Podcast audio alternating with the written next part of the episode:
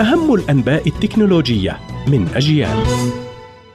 إليكم نشرة التكنولوجيا من أجيال. أهلا بكم.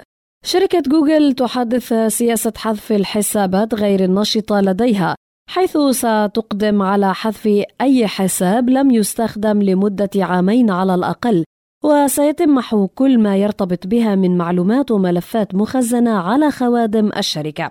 وسترسل جوجل عدة تنبيهات إلى الحسابات التي ستحذف إلى حسابات الاسترجاع المرتبطة بها قبل الحذف بعدة أشهر مشيرة إلى أن الهدف أمني إذ أن الحسابات المهملة هشة من الناحية الأمنية ما يجعلها أكثر عرضة للاختراق. أما شركة أمازون تكشف عن أربع إصدارات جديدة من مكبر الصوت إيكو قالت إنها تسهل على المستخدمين الوصول إلى المساعد الذكي أليكسا في المنزل وخارجه بأسعار منافسة.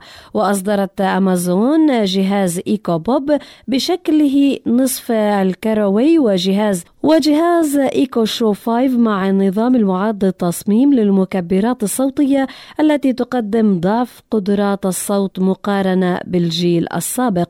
إضافة إلى جهاز موجه للأطفال Echo Show 5 Kids وسماعة الأذن اللاسلكية الجديدة كليا Echo Buds التي تقول الشركة إنها توفر صوتا عالي الجودة وإمكانية الوصول إلى Alexa خارج المنزل.